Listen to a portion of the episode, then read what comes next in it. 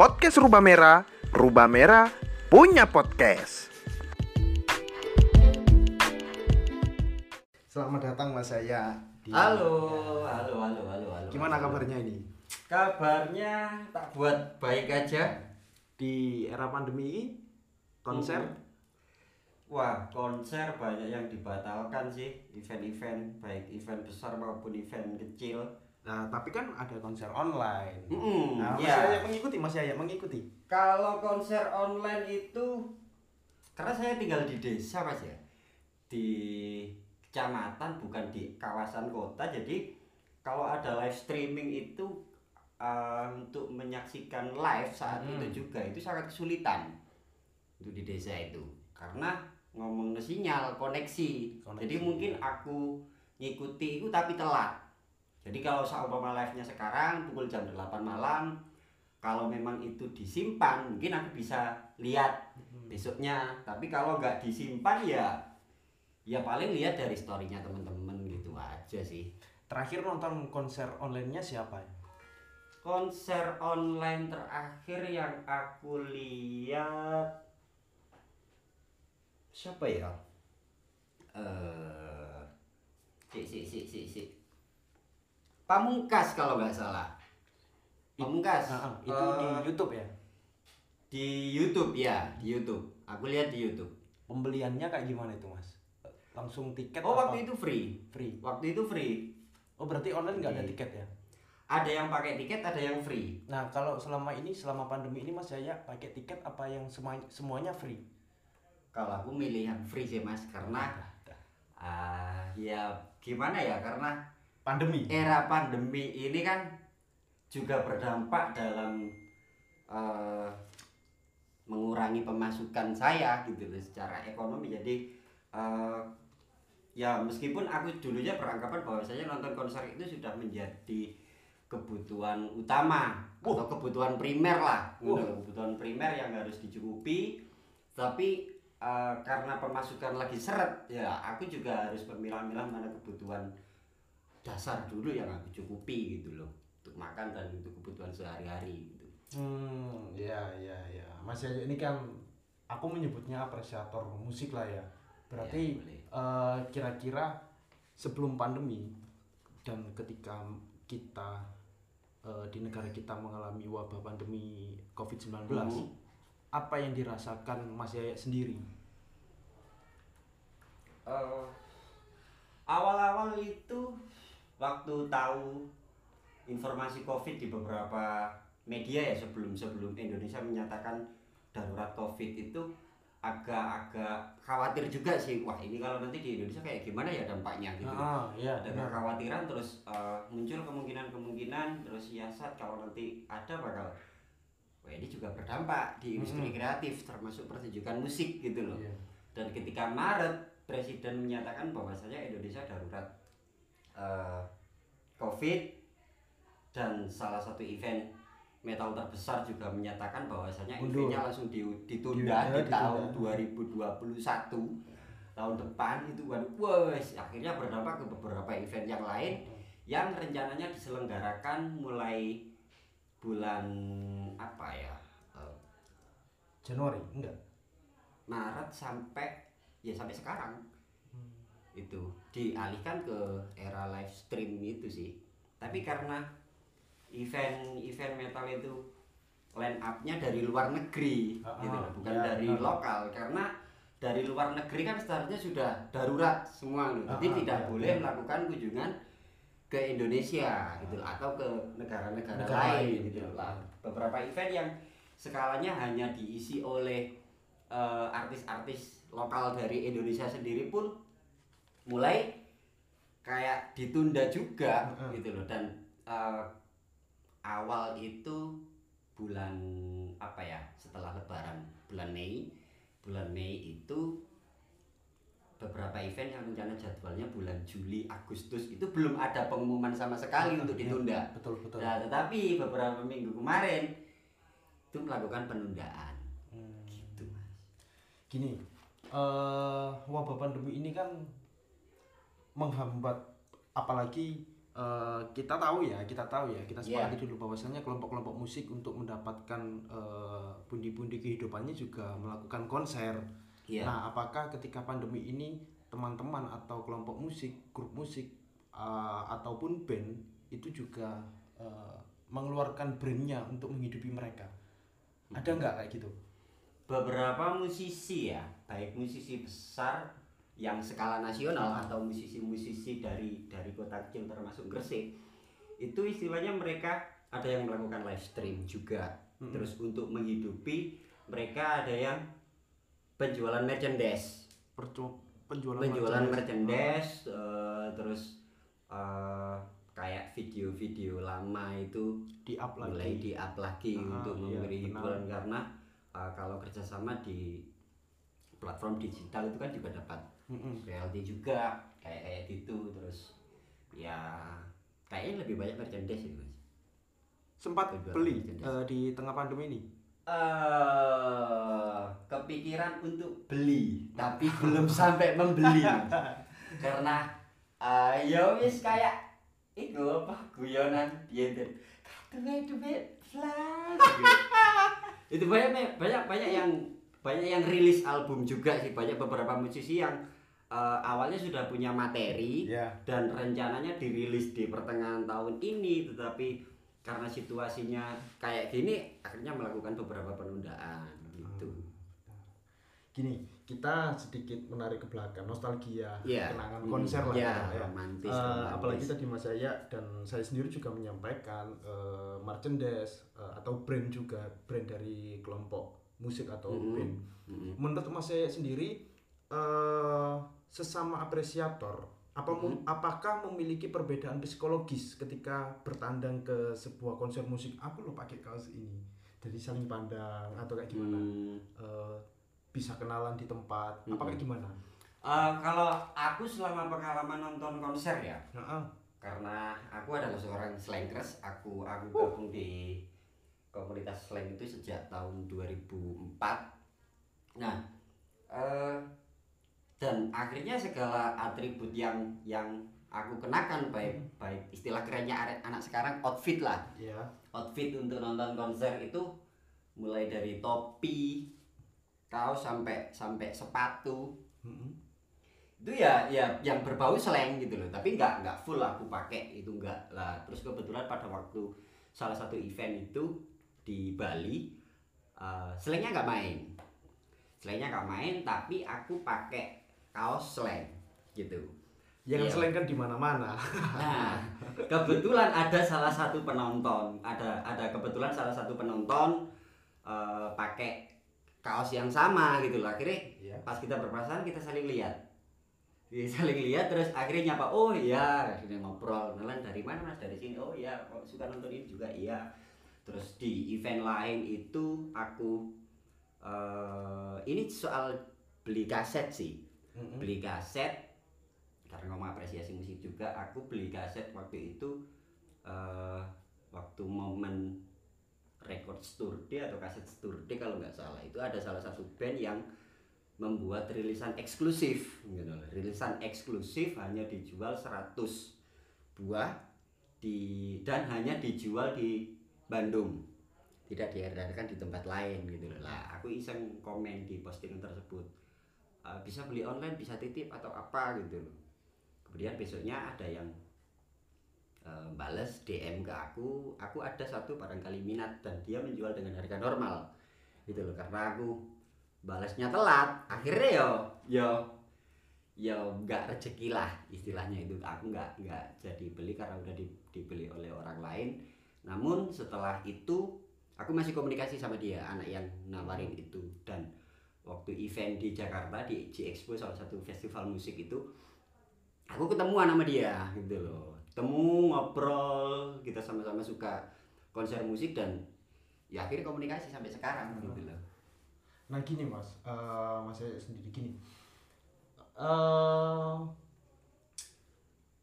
slang ini kan memiliki fans dari generasi ke generasi ya kan? Hmm. Nah, kira-kira ketika mas saya datang ke sebuah kelompok musik yang bukan kelompok musik slang ini kita bahas slang bentar ya Iya. Eh, bukan kelompok Boleh, musik boleh, boleh. slang kemudian mas saya melihat eh, anak atau di bawah umur dari mas saya sendiri yang Hmm. mas saya sekarang kan 35 Hahaha, ya enggak 35 lah. Hampir, hampir hampir ya Belum, belum, 35 belum. terus eh, ngelihat anak selain di bawah kisaran 28 atau Iya, 25 iya. ke bawah Mm. apakah eh, di situ kelihatan eh, ah masih masih junior ada nggak eh, senior junioritas dalam pemakaian brand sebuah kelompok dalam sudut pandang setiap apresiator Sebenarnya gini, kalau uh, aku aku mengembalikan ke aku ketika usia seusia mereka ya. Ya. Aku ketika seusia mereka itu di mana ketika berada di puncak fanatisme gitu, gitu kayak uh, fanatik terhadap salah satu band gitu. Lah itu pasti outfitnya full. Dari ujung atas sampai ke bawah gitu loh. Istilahnya kalau pakai topi sampai sepatu itu sudah berbau atribut itu. Kalau slankers ya dia pasti out- outfitnya slang kalau pakai tas pasti ada pin ada patch ada apa pun itu gitu. Cuman eh, yang jelas sih kalau istilahnya aku aku sekarang udah kayak berkurang mengurangi eksistensi eh, nonton bawa bendera. Uh, menebarkan bendera Gresik. Slankers Gresik dengan harapan nanti dibaca oleh atau dilihat oleh yang tampil Sering, sering, baik itu slang atau enggak. Kalau Hmm. dulu di usia-usia di bawah 25 ya itu hampir setiap nonton konser pasti dilakukan. Alasannya apa itu mas? Eksistensi. Ya gitu loh. Agar gampangnya gini kita nonton konser di Bali.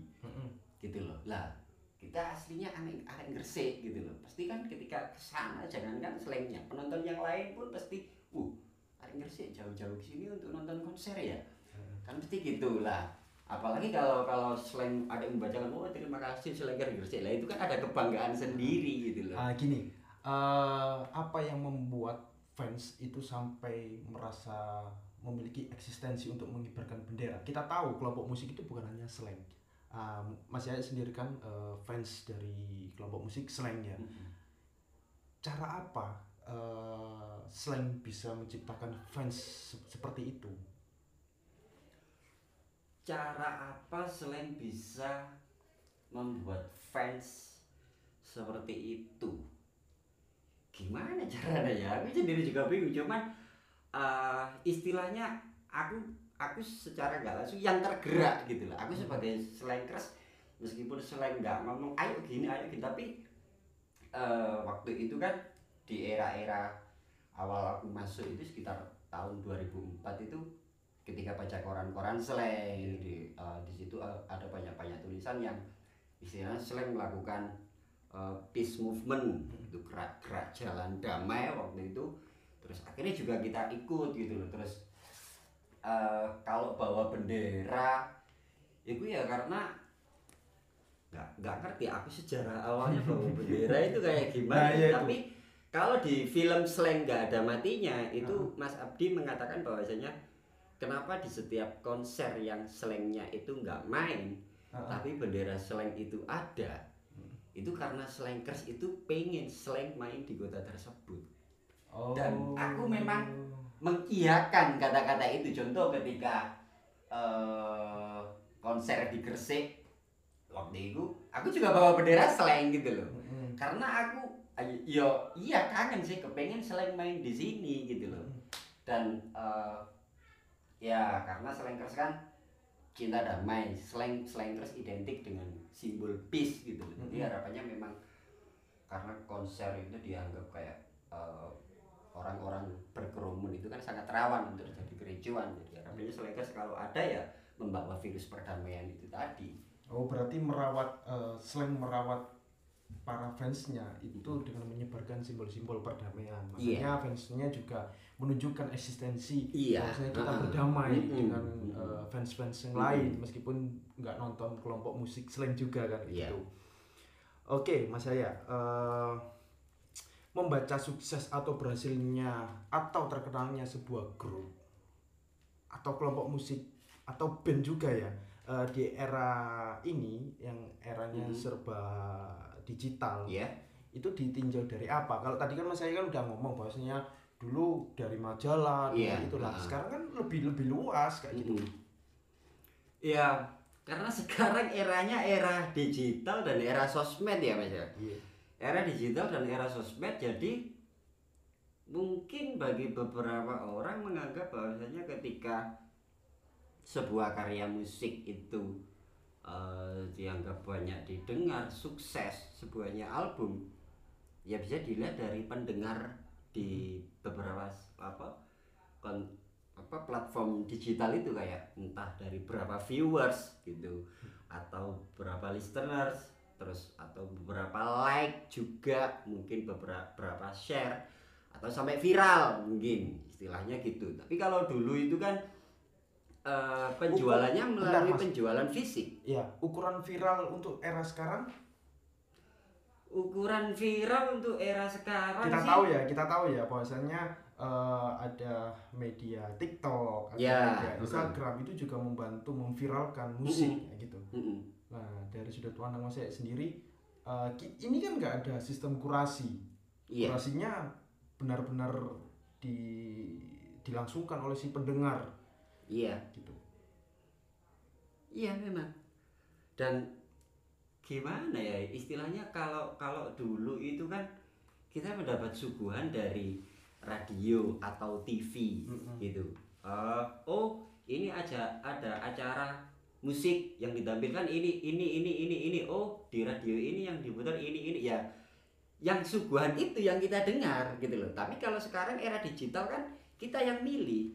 Kita Ya. mau mendengarkan apa? Iya. ya itu. Dan rekomendasi-rekomendasi itu berdasarkan dari apa yang kamu dengar atau apa yang kamu lihat selama ini gitu loh. Lah kalau untuk ukuran viral itu kan sebenarnya eh, kalau aku pakai ya kalau aku pakai sosmed itu kan Facebook Instagram sama Twitter kalau ukuran viralku eh, kalau di tiga sosmed ini di berandaku muncul dan eh, di tempat tongkronganku juga membahas itu, nah berarti ini viral. Gitu sih. Oh berarti ini di lingkunganku. Oh ini berarti yang lagi hangat iki ngono. Musik ini lagi hangat. Atau kadang kan kadang juga eh, padahal musik itu sudah di up, sudah dipublish beberapa bulan yang lalu gitu loh. Tapi baru baru apa? baru naik, baru banyak yang mendengar, baru banyak yang ngerti itu saat ini katakanlah itu mungkin karena ada kejadian apa atau ada yang mengcover atau ada yang apa akhirnya ya naik lagi padahal itu sebenarnya musik itu sudah lama kayak gitu bedanya dulu sama sekarang Oke, gini Mas Yaya. Eh, Mas Yaya juga tahu kan ya eh, Jason Ranti ya itu kan juga enggak JJ JJ JJ, JJ. itu kan nggak nggak mengirimkan musiknya ke Spotify Iya, dan lain-lain. Tapi secara nggak langsung musik-musik Jason Ranti bisa didengarkan ke semua orang. iya Mm-mm. Berarti itu yang menyebarkan berarti fans. Ini pertanyaan awam. Mm-mm. Gini, setahu saya mas ya, setahu saya eh, albumnya Jason Ranti yang akibat pergaulan blues itu kan Ya. dirilis dalam bentuk CD. Terus eh, di platform digital dia hanya melakukan melalui YouTube, gitu. Iya. Tapi eh, di platform digital yang lain yang maksudnya yang hanya audio, audio suara saja itu ndak ada aku nggak ngerti alasannya apa gitu loh. Mungkin eh, dia ketika orang kepengen nonton ya dengerin melalui rilisan fisik.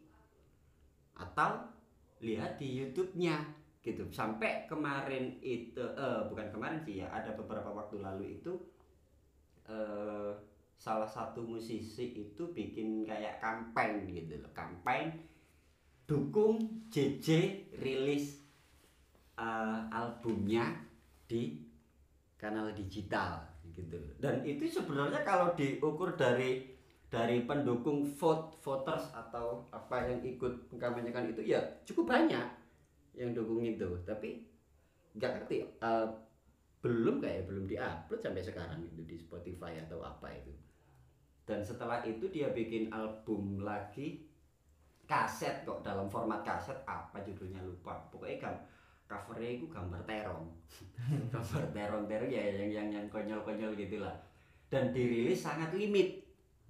Sangat limit sangat terbatas eh, untuk ukuran kaset bagiku relatif mahal lah harganya. Kisaran di atas 100 ribu satu kaset itu jadi memang eh, mungkin itu strat, bagian dari strategi marketing atau apalah istilahnya bagi musisi. Eh Mas saya ini kan juga bertandang ke mana pun konser berada ya Iya. Jakarta mana Ah, nonton gitu kan ya hmm. dari pengalaman Mas saya sendiri ketika eh, hadir di kota-kota kota tersebut apakah merasakan oh kelompok musik ini oh band ini ini mem- memiliki kedekatan secara komunikasi istilahnya sinergisitas antara penonton dan dan pemusik Mm-mm. Itu dilihat dari segi mana? Apa dari komunikasinya yang friendly Mm-mm. atau cuman menyanyikan dengan dengan nada-nada atau dengan lirik-lirik informasi atau bagaimana? G- gimana gimana mas? Mas Ite mas Ite gini Bentar. sederhananya gimana? Mas Yaya ini kan nonton musik Iya, bertandang ke, sampai ke keluar kota lah. sampai sampai keluar kota. Hmm. bela-belani ah, bahasa bahasa Indonesia bela-belani apa? Ya bela-belain ya bela-belain Bela-belain. eh, ke kota-kota lain kayak Iya. gitu kan nah Mm-mm. pengalaman dari Mas sendiri itu ketika melihat berbagai kelompok musik berbagai grup band Mm-mm. itu yang paling kuat untuk mengayomi fansnya itu seperti apa fansnya ini ketika ketika konser loh ya ketika Hmm. konser apakah eh, sebelum masuk ini harus menyapa dulu atau ya biarkan yang penting lirikku ini mewakili hubungan kita mewakili komunikasi kita. Lah Hmm. kalau menurut mas saya sendiri ini kelompok musik yang bener-bener klek di hati mas saya sendiri itu seperti apa? Sebenarnya kalau hal-hal kayak gitu enggak deh. Enggak enggak enggak enggak pernah ada. Contohnya kayak gini. Ada ada konser gitu ya konser tunggal. Ya. atau uh, sebuah festival musik yang menampilkan lebih dari satu band. Kalau konser tunggal biasanya ya aku sebagai penonton ya sekedar nonton aja gitu loh. Nonton karena memang tertarik. Mungkin eh, konser itu mengangkat tema atau yang sama eh, dengan hati kayak gitu? Ya yang yang relate lah istilahnya kalau sekarang. Atau eh, konsepnya ini dikemas dengan menarik gitu loh. Mm-mm. akhirnya kan bagi aku wah ini kalau nggak nonton eman gitu loh.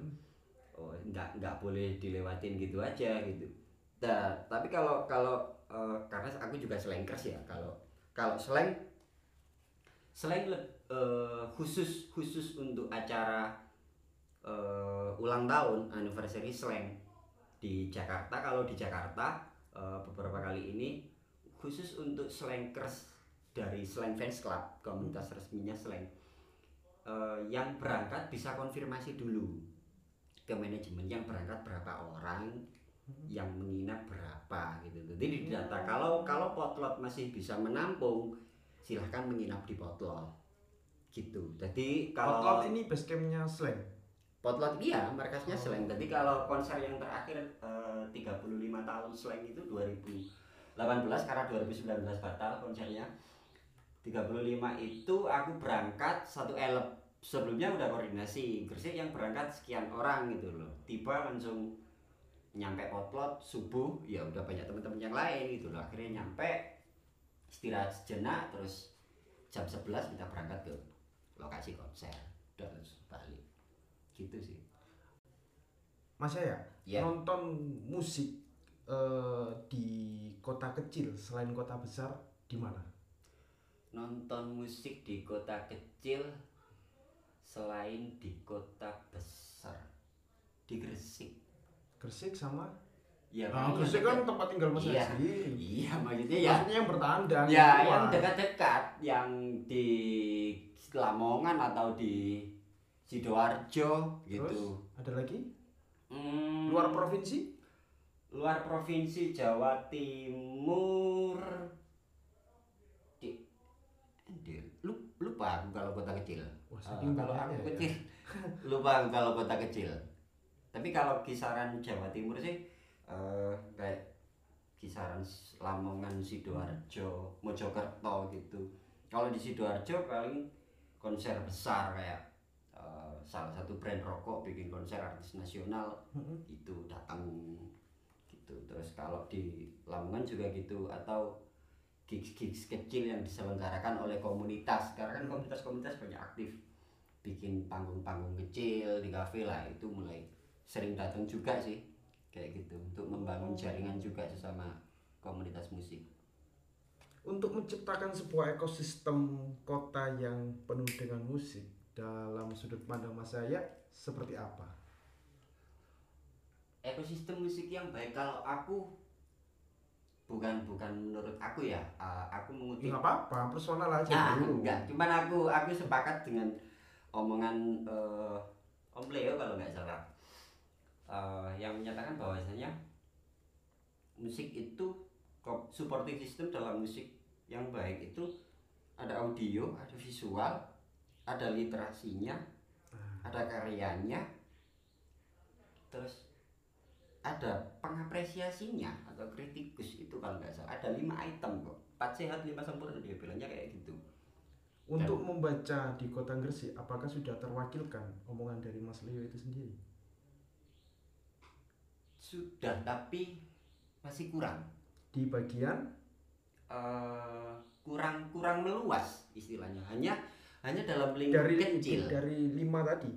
iya hanya dari lingkup kecil. Istilahnya bu- bu- belum meluas ke Gresik secara umum. Mm-mm. kayak gitu. Kan katakanlah ka- uh, ada satu kelompok satu kelompok musik gitu ya. Uh, secara musik karyanya dia sudah ada. Secara uh, apa istilahnya pengapresiasinya ada gitu loh. Tapi hanya ya ya yang di lingkarannya aja gitu loh. Bukan bukan luas ke orang-orang lain gitu loh. Mm. lah kadang kalau kita di kota kecil itu kan karena memang pendengar kita yang paling dekat itu adalah teman-teman kita sendiri yang paling tahu Iya. gitu loh. Lah entah mengapresiasinya itu karena urusan pertemanan atau karena memang karyanya ini layak untuk diapresiasi. Lah itu yang kita belum tahu gitu loh. Tapi kalau musisi Gresik ini eh, bergerak tidak hanya di kota tapi juga ke kecamatan-kecamatan yang lain mungkin ya bisa menjangkau Gresik Mm-mm. secara umumnya Tadi dari gitu. lima tadi kan yang disebutkan tadi kan ada eh, ada literasi juga ya. Mm-mm. Ah, berarti begini Mas saya. Eh, literasi musik dalam sudut pandang Mas saya itu semestinya seperti apa? Apa apa harus harus menulis atau malah menciptakan sebuah media tulisan? Kayak tadi disampaikan ya majalah, Mm-mm. eh, koran slang dan sebagainya. Apakah di Gresik juga memerlukan seperti itu? sangat perlu sih sebenarnya jadi eh, beberapa teman-teman musisi di Gresik itu kan setiap kali bikin bikin event atau merilis single atau album eh, untuk akhir-akhir ini sudah mulai ada yang mengerti eh, bikin press release gitu loh Iya. jadi kalau dulu-dulu sebelum itu paling bikin single, oke di up di sosmed masing-masing, Mhm. bikin single, bikin album, bikin event, udah. Gitu. Tapi akhirnya ya yang tahu hanya dari kalangan teman-temannya itu sendiri Betul, tadi betul. atau dari dari area-area Gresik sendiri tadi. Tapi ketika ada media, ada media khusus untuk musik, mereka akhirnya oh ternyata setelah bikin album itu bikin promo. Caranya promo bikin press release dikirim ke media-media. Karena sekarang kan udah semakin mudah mas ya. Iya. dikirim ke beberapa media online meskipun di luar Gresik atau sampai di Jakarta. Ya is- istilahnya itu mengabarkan bahwasanya di Gresik ini juga ada gitu loh. Ada kelompok musik dan juga beberapa komunitas musik yang eh, aktif bikin event gitu loh. Dan band-bandnya juga punya potensi untuk berkembang lebih baik gitu loh. Dan untuk menambah jaringan. Band-band Gresik juga eh, ada yang bu- sudah mulai tour. Tour keluar Gresik untuk promo albumnya kayak itu untuk memperkenalkan bandnya juga sih. Gitu. Eh ini saya pribadi kan memang bukan dari kalangan musik ya. Iya. Eh, untuk mencintai kelompok band pun nggak nggak sefanatis apa yang disampaikan Mas saya tadi. Aku malah ngebayangin ada sebuah media musik di kota Gresik gitu ya. Hmm. Eh, apakah yang menulis ini secara awam ya, secara awam banget. apakah yang menulis ini eh, harus dari dari musiknya sendiri atau dari apresiator jadi kelompok band nggak perlu menulis sebenarnya gini sih mas. Eh, aku sendiri kan juga bikin media. Oh apa media di? Gresik itu ya baru di launching Februari lalu. Namanya mengutara mengutara mengutara.com bisa bisa diakses di website. Eh, waktu itu aku pas waktu launching perkenalan itu juga menyampaikan kepada teman-teman yang lain. Bahwasanya mengutara terbuka gitu loh. Untuk teman-teman yang punya tulisan yang berhubungan dengan musik silahkan dikirim ke kami. Istilahnya itu kontributor. Silahkan kalau punya tulisan apa pun mengenai musik Jawa tapi kita eh, kita batasi untuk musik Gresik dulu. Ya. Gitu. Kita tidak tidak mele- melebar ke yang lain gitu loh. karena bagi kita ini Gresik masih masih belum ada yang ngangkat gitu kita pengennya event-event di Gresik atau band-band di Gresik atau karya-karyanya musisi-musisi Gresik itu bisa terangkat di sini. Mm-mm. gitu. Aku sendiri juga punya punya keterbatasan. Aku kadang kurang informasi atau aku terlambat mengetahui ada event atau ada yang rilis gitu. Deh barangkali ada yang lebih awal tahu. Aku pengen ayo kasih informasi. Ayo kirim press release ke kita. Ayo kabari kamu mau bikin event apa. Nanti kita liput bareng-bareng Eh, berarti posisi dari Mas Yaya sendiri atau media mengutara ini jaga gawang. Apa berjalan? Cari. Kalau untuk awal ini kita masih menyesuaikan pola sih mas, karena kita masih baru ya, kita masih eh, mencari pola yang enak. Gimana ya.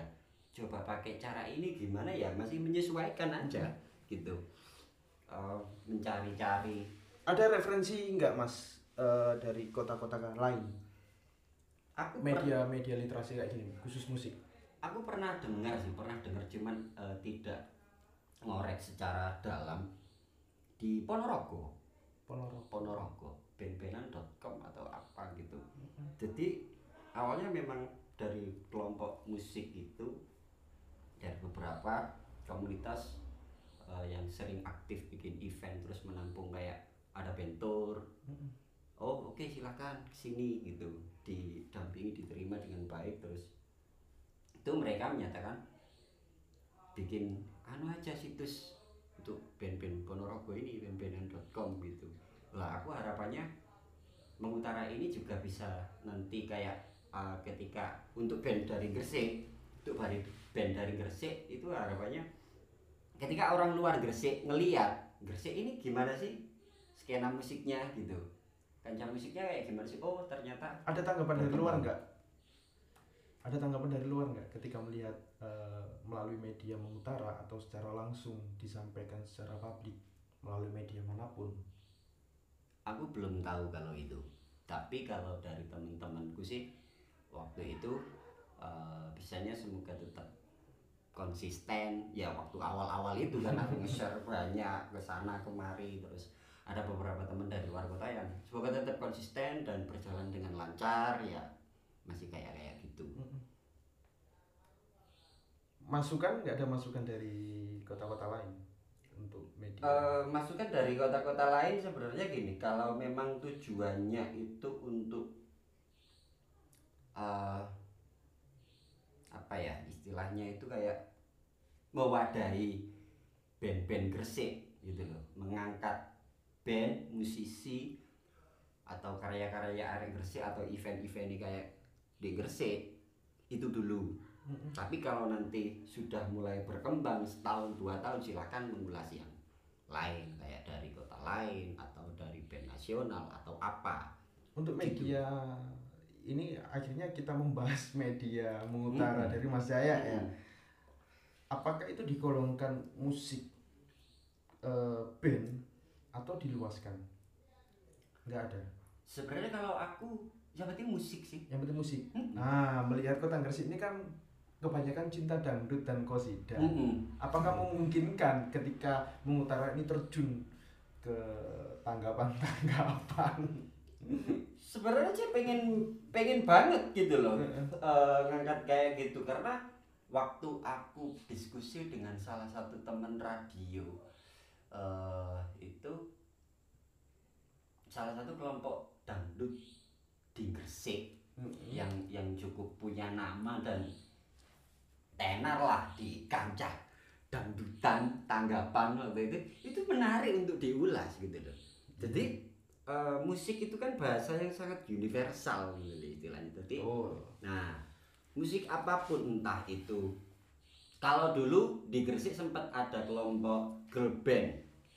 Girl band yang juara di salah satu TV nasional itu kan tahun-tahun berapa itu nggak tahu masih aktif atau enggak sekarang. Aku juga pengen pengen pengen eh, cari-cari informasi soal itu sih. Eh, bagaimana kondisinya sekarang, terus eh, waktu itu pengalamannya kayak gimana gitu barangkali masih masih bisa apa ya digunakan untuk saat ini gitu. Loh. gitu. A- aku sih netral genre apa pun baik campur sari baik dangdut koplo yang penting karya sendiri ya. Itu catatannya. Oh yang, yang penting sendiri. karya sendiri gitu loh. Nggak cover nggak nggak. Kalau cover ya enggak dulu lah. Kalau soalnya cover itu istilahnya gini mas. Kalau ini sekarang umum loh Iya, memang kalau tapi kalau cover kan gini, ya akhirnya kita nggak bisa filter, gitu loh. Kalau jumlah band Gresik aja jumlahnya berapa? Kalau kita nggak filter, siapa pun band Gresik kita masuk, ya yang cover ya jumlahnya juga banyak dong, gitu sih. Jadi aku baca itu. Ta- Tapi kalau kelompok dangdut itu kan dia eh, sebagai kelompok gitu loh, bukan karya tapi kelompok gitu loh, Iya. kelompok dangdut orkes Melayu lah itu menarik sebenarnya gitu loh apalagi kalau di situasi pandemi kayak gini kan sepi tanggapan lah Iya, kayak gitu betul. gimana apalagi kalau menjelang menjelang bulan bulan kemerdekaan Agustus gini kan kalau istilahnya orang-orang kampungku dulu harga biduan naik gitu loh naik dua kali lipat Iya. atau berapa tiga kali lipat karena kalau momen Agustus itu jadi bookingnya juga harus jauh-jauh hari Mm-mm. kayak kayak gitu sih Oh iya, Mas ya. Eh, ini pembacaan secara personal ya. Aku mintanya secara personal. ya Eh, di era 2000 sampai sekarang atau di bawah 2000 perbedaan apa eh, ekosistem Gresik terkait musik ini? Apa yang menarik? yang menarik di Gresik sekarang kalau uh, aku ngikutinya gini kalau aku kan juga sering terlibat untuk bikin bikin event di Gresik ya baik itu bersama teman-teman slankers atau atau di luar teman-teman slankers sekarang lebih banyak alternatif tempat gitu loh. Jadi kalau kalau dulu itu kan kita mau bikin event di mana nih gitu loh. Cari tempat gitu loh. Tapi sekarang justru malah pilihannya itu banyak gitu loh. Pilihannya banyak akhirnya ya harusnya itu kan lebih memudahkan gitu loh untuk bikin event. Bedanya kalau dulu dan sekarang itu. Dan eh, akhir-akhir ini sih beberapa temen yang menyatakan dia malah nyari tempat yang sekiranya bisa tertutup gitu loh agar bisa dibuat sistem tiketing gitu. Karena kalau tempatnya di cafe itu kan rata-rata cafe di Gresik itu terbuka gitu loh. Kalau eh, untuk sistem tiketing tidak memungkinkan. Kayak gitu. Event-event di Gresik juga mulai mulai mulai apa hmm, mulai bervariasi sih. Mulai nggak monoton gitu-gitu aja gitu. Terus kalau dulu Lah ini titik temunya eh, kalau Mas Yaya sendiri memba- membaca sih titik temunya oh Gresik di tahun sekian mulai bervariasi. Pernah membaca kayak gitu enggak dan eh, kira-kira apa yang membuat titik sampai ekosistem musik Gresik ini baik. Kalau menurutku sendiri mas ya itu kayaknya gara-gara sosmed. Sosial media. Mm-mm. jadi istilahnya kan gini eh, kalau aku sendiri itu juga sosmed kan tergantung yang make sih ya. Iya. Ya sosmed itu tergantung yang make jadi kalau eh, sosmed itu dija- dijadikan sebagai sumber informasi kamu nyari informasi apa pun melalui sosial media itu segalanya banyak gitu loh. Mm-mm. dia ketika aku di sosmed baik itu postingan dari temanku atau dari dari siapa pun itu oh iki kayaknya menarik ngono lho. Oh iki iso iki di Gresik dibuat kayak gini gitu loh jadi kita kita cari-cari oh konsepnya kayak gimana sistemnya kayak gimana oh bisa diterapkan di Gresik gitu loh kira-kira sarana dan prasarannya mendukung nggak ya? Nah di Gresik mendukung nggak? gimana saya gitu loh Sarana prasarana di Gresik mendukung saat ini? saya dibilang mendukung juga belum mendukung 100% sih. Mm-mm. tapi itu yang kadang menjadikan teman-teman itu untuk lebih lebih kreatif gitu loh. Karena eh, bagaimana kita menyiasati keterbatasan itu gitu loh. Jadi kalau eh, gedung katakanlah gedung lah eh, gedung pertunjukan untuk pertunjukan musik eh, gedung yang dibuat oleh pemerintah itu kan dulu awalnya katanya untuk untuk ekspresi anak muda gitu tetapi Nah kita sendiri bingung lah, ini mau diapain di gedung kayak gini itu nggak nggak seret. Jadi anak-anak mau bikin di situ juga juga ngapain? Ribet juga kalau kalau untuk urusan perizinan dan lain-lain. Akhirnya larinya ke kafe-kafe Mm-mm. kayak gitu. Iya, Eh gini Mas ya, terakhir ya ini. ya, kasih pendapat ke pendengar podcast Rubah Merah kira-kira untuk menciptakan ekosistem musik yang lebih baik lagi di kota Gresik semestinya seperti apa tadi kan Mas saya juga mengutip omongan dari Mas Leo 5W Iya. tadi ya Iya. 5W apa 5 empat sehat lima sempurna. Empat sehat, lima Nah, sempurna. empat sehat, lima sempurna. 5W Mas. Lima W. ini dari sudut pandang Mas saya karena apa ya kita harus membaca eh, kebudayaan kita sendiri ya gitu loh. Ya, kalau aku sih sebenarnya saling mas. Kuncinya itu saling, saling mendukung, saling mengapresiasi, saling percaya, dan saling-saling lainnya dalam dalam kebaikan mas. Karena kadang ada yang gini, aku pernah dengar itu. Maaf eh, sedikit tak potong. Saling mengapresiasi ini seperti apa? Saling mengapresiasi sepertinya gini. Contoh, eh, musisi dengan pendengarnya, Iya. gitu loh. Musisi dengan pendengarnya. Seorang musisi bikin sebuah karya, baik single ataupun album. Nah, ketika karya ini dirilis, dirilis dalam bentuk fisik atau dia bikin pesta launching. Lah si pendengar ini penikmat musik Gresik, ini kan eh, harusnya itu mengapresiasi oh datang ke acaranya kalau punya duit ya beli merchandise-nya. Eh, atau sesederhana menyebarkan informasi itu untuk mempromosikan. Ini loh di Gresik ada band atau ada musisi yang yang juga keren gitu loh. Gitu loh yang juga punya punya potensi dan layak untuk didengar. Dan bagi musisinya sendiri juga eh kaya eh ibaratnya kan cara Jawa ngono ngomongno arek-arek ngono lho. Dadi memanusiakan manusia gitu. Kayak kayak kayak gitulah jadi nggak hanya sekedar aku bikin karya ya wes terima ngono tapi ojo jangan jangan langsung menyalahkan ketika yang mengapresiasi itu mau hanya beberapa kalangan gitu loh. Tapi kalian juga harus mengevaluasi sendiri apakah karyaku ini sudah layak gitu loh. Iya. apakah karyaku ini eh, bisa diterima oleh teman-teman yang lain gitu. Mm-mm. terus eh, melibatkan mereka dan eh, kadang itu kayak eh, ada yang aku lebih lebih di Gresik kurang mas yang ngapresiasi. Jadi mereka lebih diterima di luar gitu loh. Sebenarnya aku bukan bukan kurang tapi apakah promosimu itu sudah meluas di Gresik? Itu sih gitu. Jadi kekuatannya itu juga harus saling percaya gitu lah Mhm. antara musisi dan pendengarnya Mm-mm. karena karena aku sendiri juga kadang nggak ngerti kurang ini bensin mari rilis apa ya gitu loh Iya. Nah promosinya kan ke mana gitu loh. Aku paling tahu juga dari teman-temanku sendiri gitulah. Kalau si band ini kan dia setelah rilis karya ya harus promo minimal di Gresiknya sendiri sudah tergarap gitu loh. Kalau di Gresiknya sudah tergarap monggo gitu loh. Nah, melebarkan ke mana lagi? Apresiasi tadi kan yang poin kedua. Poin Hmm. berikutnya Apa nih? Saling. saling. Iya. Tadi kan Mas saya kan menyampaikan, aku kan tadi kan bertanya, eh, tadi kan mengutip dari pernyataan Mas Leo. Hmm. Nah, ini dari sudut pandang Mas sendiri. Tadi kan nyebut eh, apresiasi ya saling saling apresiasi terus kemudian tak potong. Nah, apakah ada lainnya kayak gitu loh untuk memperbaiki ekosistem musik Gresik gitu loh. Ya memperbaiki lah apa ya istilahnya ya biar biar nggak terkesan Gresik ini lagi buruk.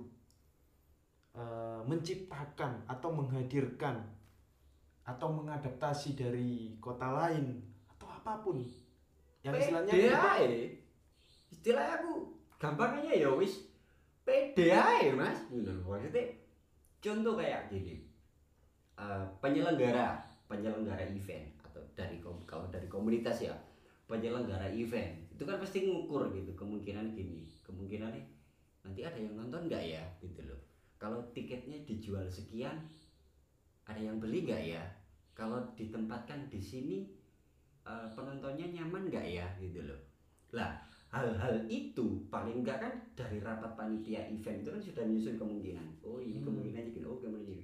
Kalau konsepnya itu kalian sudah matang dan kalian yakin ini bakal ada yang nonton ini konsepnya menarik dijual tiket sekian pun itu relatif dapat dijangkau lah untuk Hmm. ukuran kantong anak-anak muda Gresik. Ya wis budal.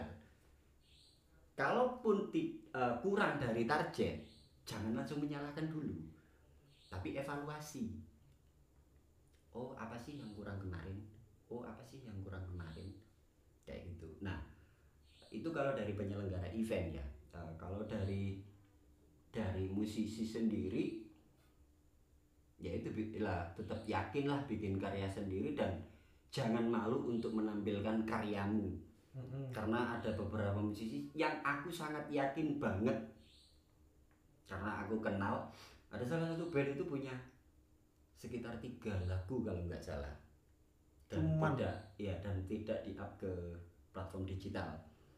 Nah tapi dia kalau live perform ketika dapat undangan tampil atau ketika dia perform di beberapa event dia malah sering cover gitu loh.